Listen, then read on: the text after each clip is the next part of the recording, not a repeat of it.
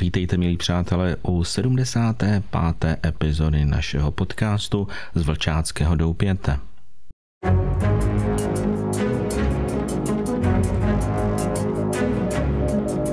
Podcasty z Vlčáckého doupěte. Další pokračování na dobrodružné cestě scoutingem. Odkrývání historie, listování minulostí, hledání smyslu a podstaty scoutingu.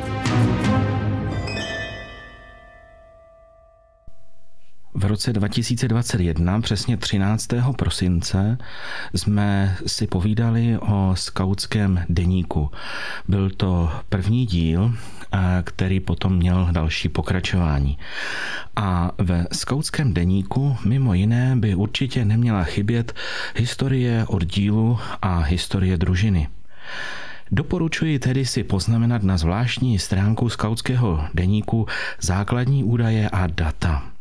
Například, kdy vznikl váš oddíl, které družiny v něm od začátku pracovaly, kdo byl jeho prvním vůdcem, kde jste měli první klubovnu, kdy a kde se konal první tábor. Některé oddíly mají za sebou desítky let činnosti. Ty nejstarší vznikly dokonce dřív než naše republika. Před první světovou válkou v letech 1912 až 1914. Za tu dobu se v nich vystřídali stovky členů a mnoho vůdců. Tábory se počítají na desítky, i klubovny se měnily. Trojí zákaz scoutingu neznamenal vždycky likvidaci. Oddíl přežil i ty nejtěžší doby v jiné organizaci. Skryt třeba v klubu nebo svazu turistů, v Sokole, tělovýchovné jednotě, u ochránců přírody a podobně. Každý člen družiny by měl mít o minulosti alespoň nejzákladnější povědomí. Nejdůležitější údaje získáte údce ve starých kronikách a časopisech. Pokuste se společně vypátrat některé dřívější členy, o kterých jste se dozvěděli z vyprávění nebo ze starých záznamů. Navštivte je, pozvěte je na družinovku, pokud ještě žijí. A aby nebyl dnešní podcast tak kratulinký, tak přidám ještě nějaké družinové záležitosti. Například třeba družinové barvy. Každá skautská družina má mít dvě své barvy, jednu hlavní a druhou doplňkovou. Zvolte si takové, které mají logickou souvislost s vaším jménem, totemovým zvířetem nebo květinou či ptákem a vzájemně se doplňují.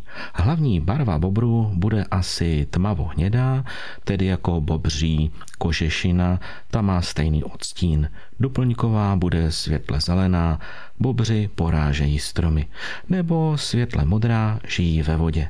Kopretiny si patrně zvolí za hlavní barvu bílou a doplňková bude zřejmě žlutá anebo zelená.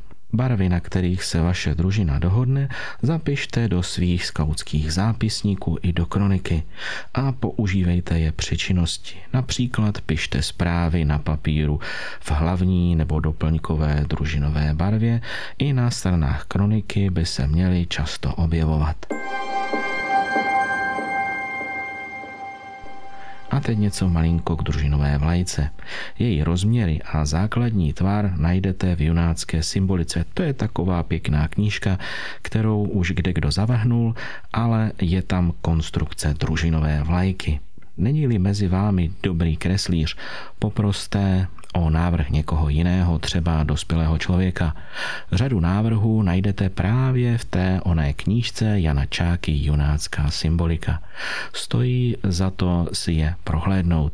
Symbol družiny bývá v hlavní družinové barvě, pozadí v barvě doplňkové, Tvar symbolu lze zvýraznit černým obrysem nebo drobným doplňkem například u ptáků a zvířat okem.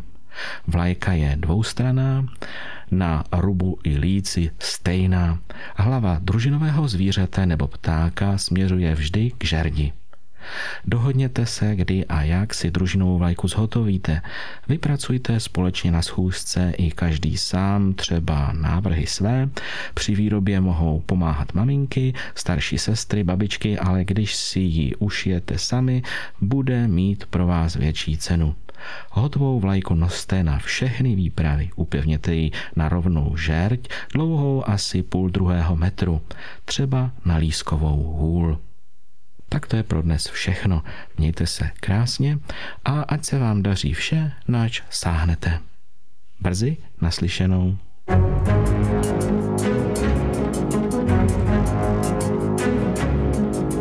Podcasty z Vlčáckého doupěte.